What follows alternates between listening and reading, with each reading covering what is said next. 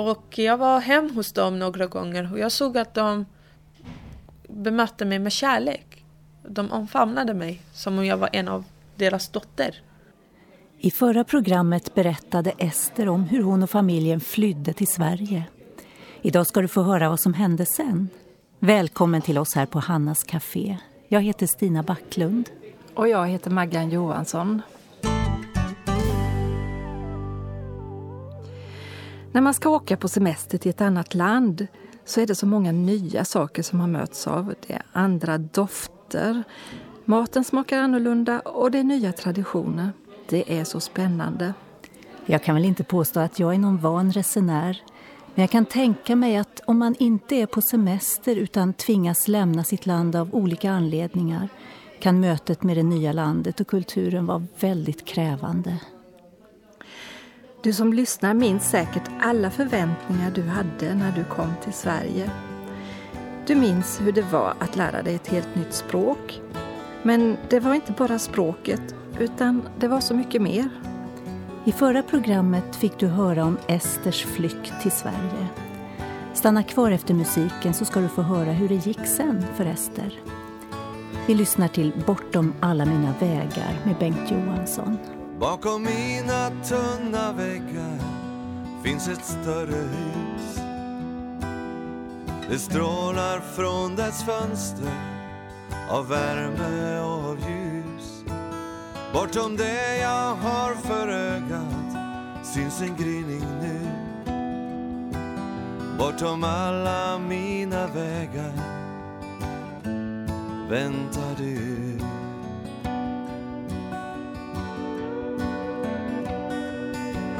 Bortom alla våra drömmar finns den du ser. Den du drömt för hela världen som sände dig hit ner. Över alla våra gränser, genom liv och död. Bär du alla dem som hungrar efter livets bröd varje tråd och inslag genom allt som vävt mitt liv. Stilla vilar jag i löftet att jag har mitt hem i dig. Bortom mina svek och misstag finns ett större ord om den trofasthet som håller om ett dukat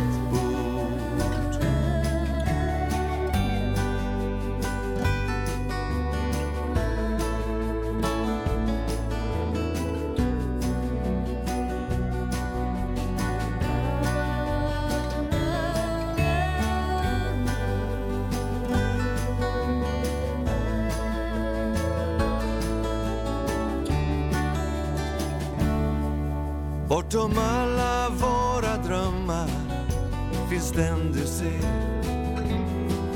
Den du drömt för hela världen som sände dig hit ner.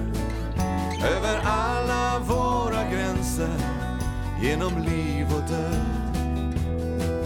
Bär du alla dem som hungrar efter livets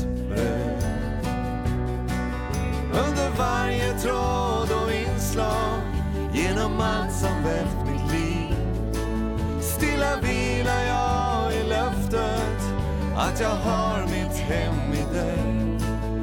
Under varje tråd och inslag genom allt som vävt mitt liv.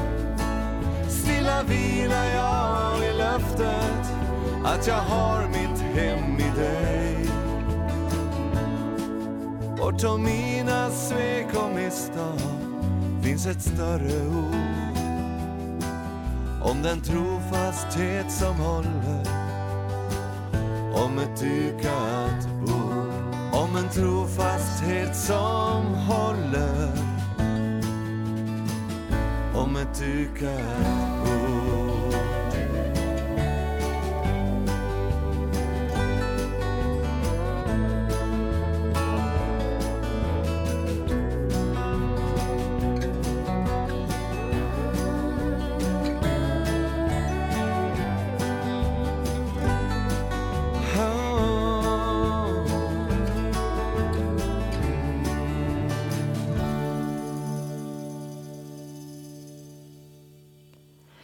För Ester och hennes familj var flykten en mycket svår upplevelse.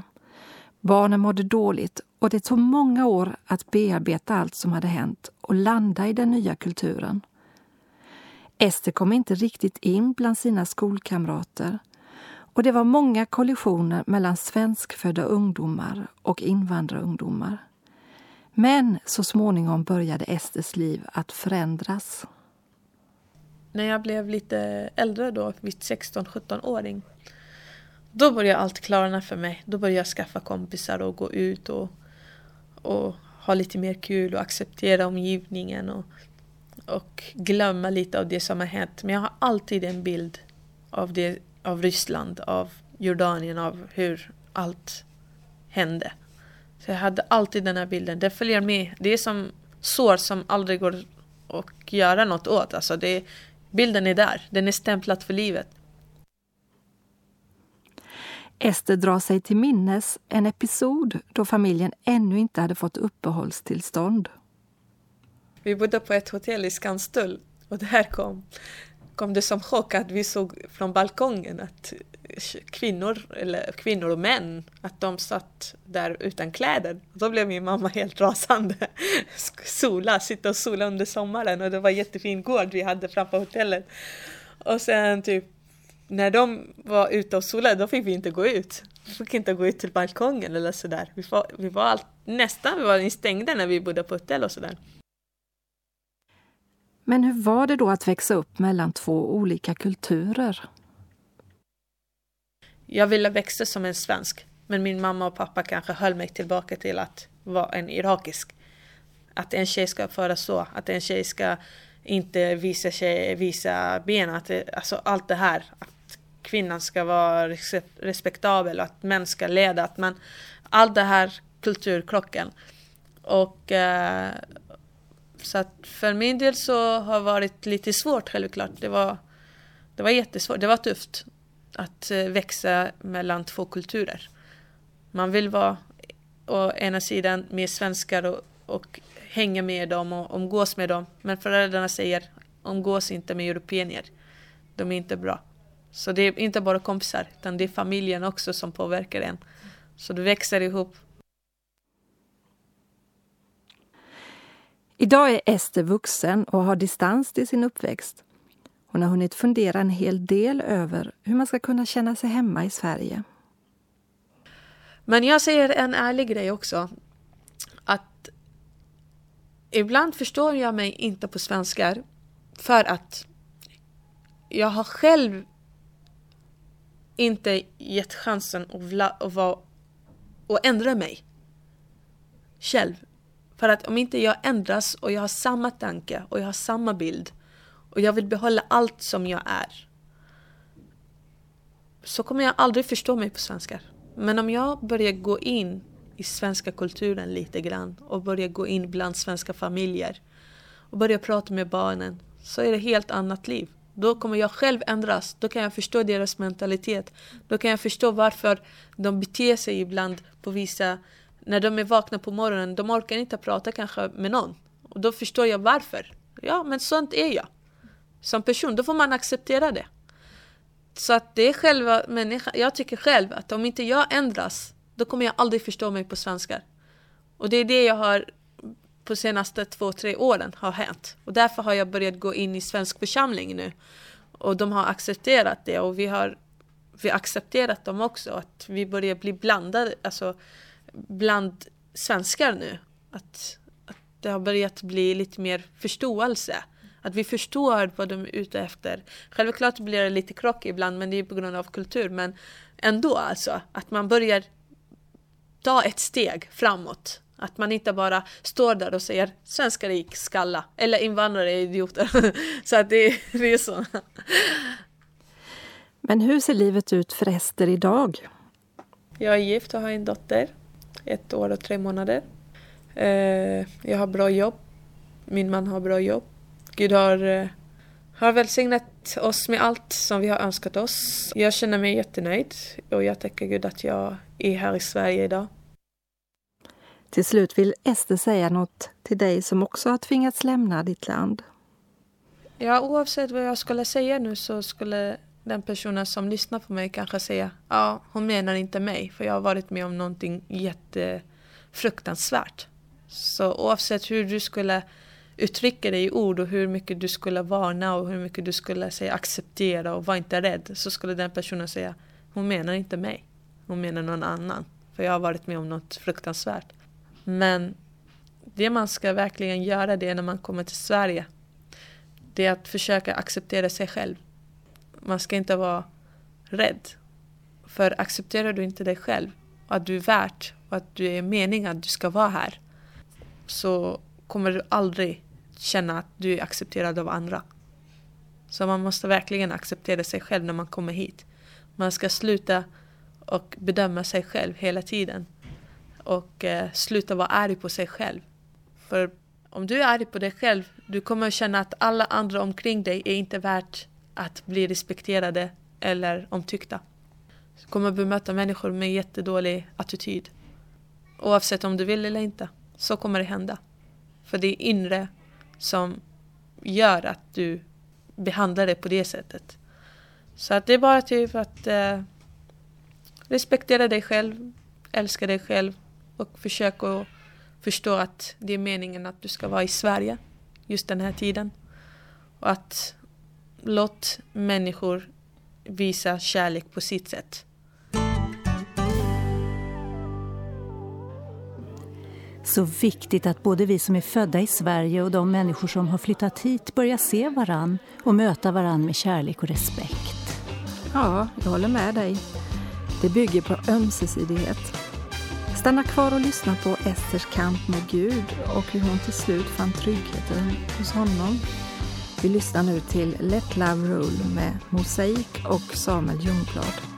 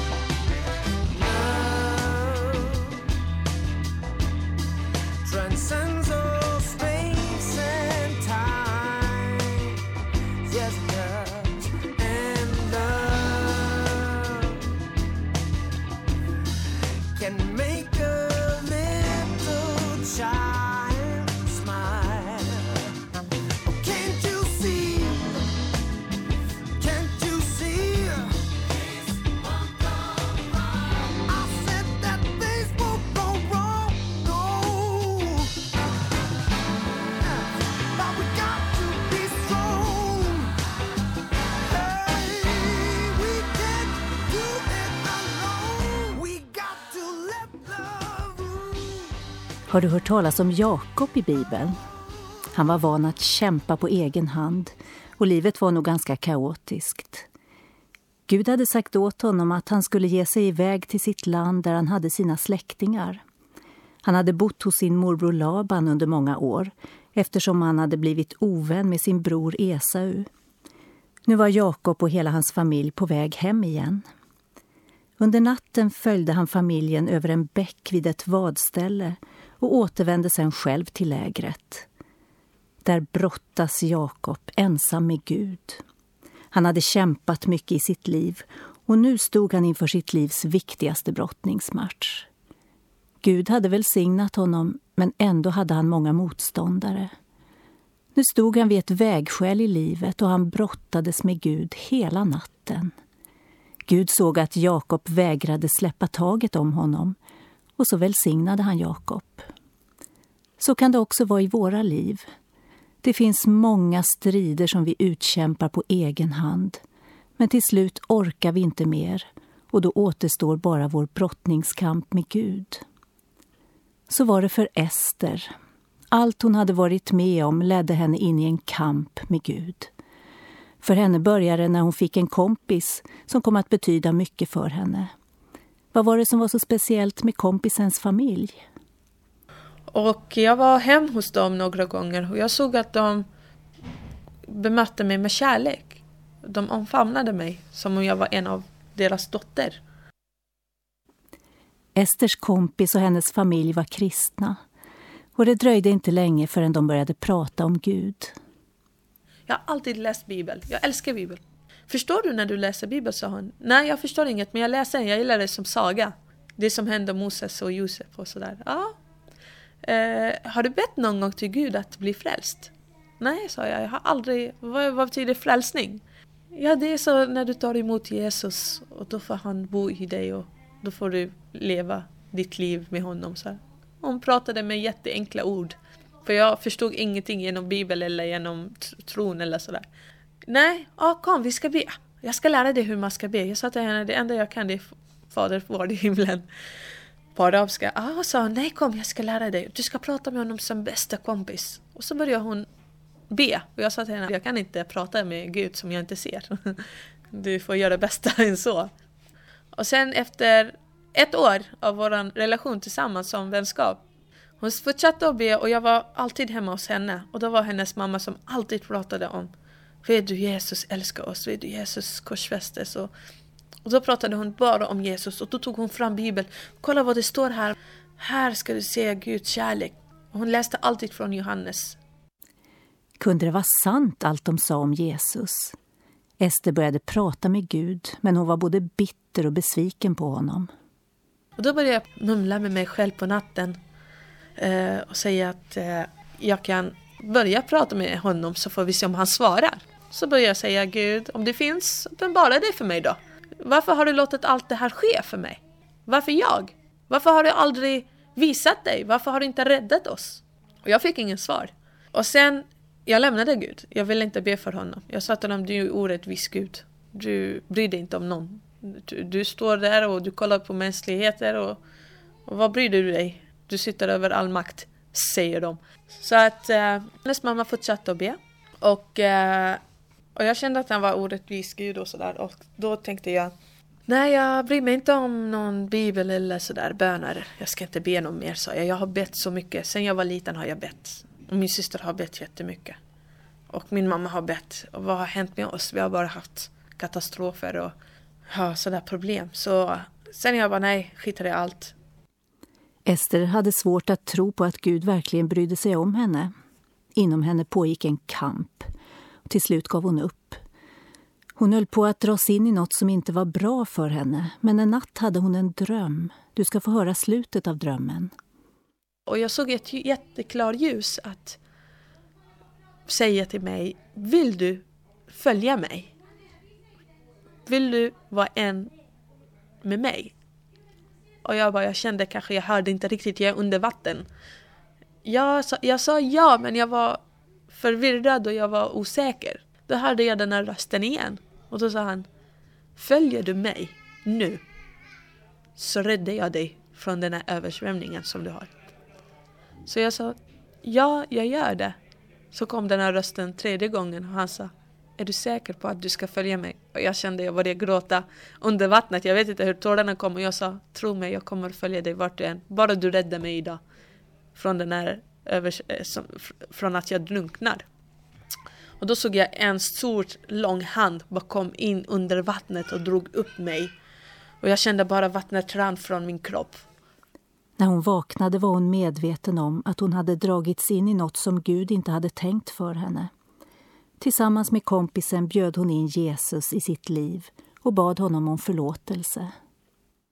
Så jag började prisa Herren och, och så plötsligt kände jag bara fred i mig och jag kände att allt ändrades. På ett ögonblick, allting ändrades. Från att jag ville lämna allt till att jag ville stanna här och bevittna det som har hänt. Så varenda person som jag har träffat sedan jag var 18, ända hittills, så har jag bevittnat överallt. Av det jag har sett, det jag har hört, det som har hänt med mig. Allt. Till och med på jobbet när jag jobbar med kunder, klipper deras hår, färger deras hår, små som stora. Jag berättar, Gud är god.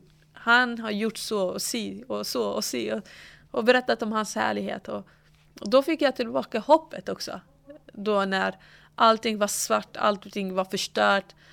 Jag var krossad själv. Så det är som att han byggde upp mig från början. Allt var nytt, verkligen. Så nytt liv med honom var det. Ny start. Ester har lagt sitt liv i Guds händer och hon känner att hon hör hemma här i Sverige. Förut kanske jag var helt emot det. Jag sa motsatsen, att jag ville inte vara här. Men idag vet jag att det var Guds plan och att det här är rätt, att jag är här. Hela livet är bra. Jag trivs jättebra. Jag har vänner, jag har familj här. Allting började ändra sig och det blev bara bättre och bättre och bättre. Så på något sätt är jag helad. Det tog några år, men det var en process för mig. Att jag, jag var tvungen att gå igenom allt detta för att lära mig hur jag skulle vara stark och klara av om jag skulle möta någonting ännu större fara så skulle jag kunna hantera det på ett bättre sätt. För allt det där som, som har varit, det var som en period av att lära mig allt. Genom, jag var jätteliten, men ändå förstod jag allt som hände omkring mig. Jag var sex år. Men jag förstod allt som hände omkring mig och jag växte upp med det hela tiden. Vi ber tillsammans. Tack gode Gud att vi får brottas med dig. Du vill ju att vi kommer till dig med alla känslor och tankar. Jag ber för alla som är i en sån brottningskamp nu. Välsigna dem i din kärlek och låt dem få se dig som du är. Amen.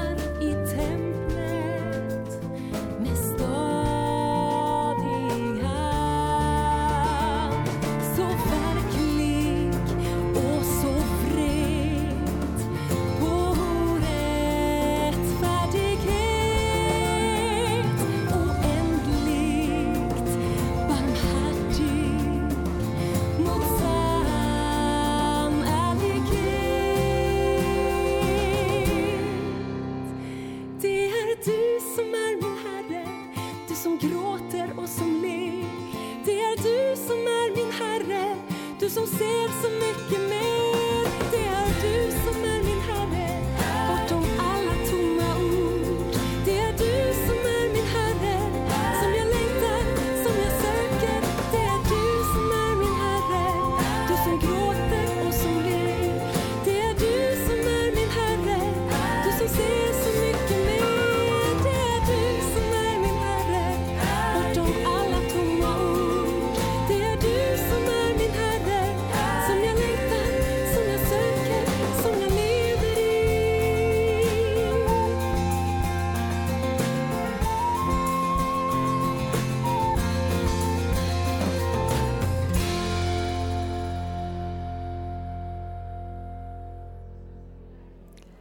Du hörde Det är du som är min Herre med Maria Gustin Bergström. Skriv gärna till oss om något som har berört dig under programmet. Adressen kommer snart. Vi hörs igen och var rädd om dig.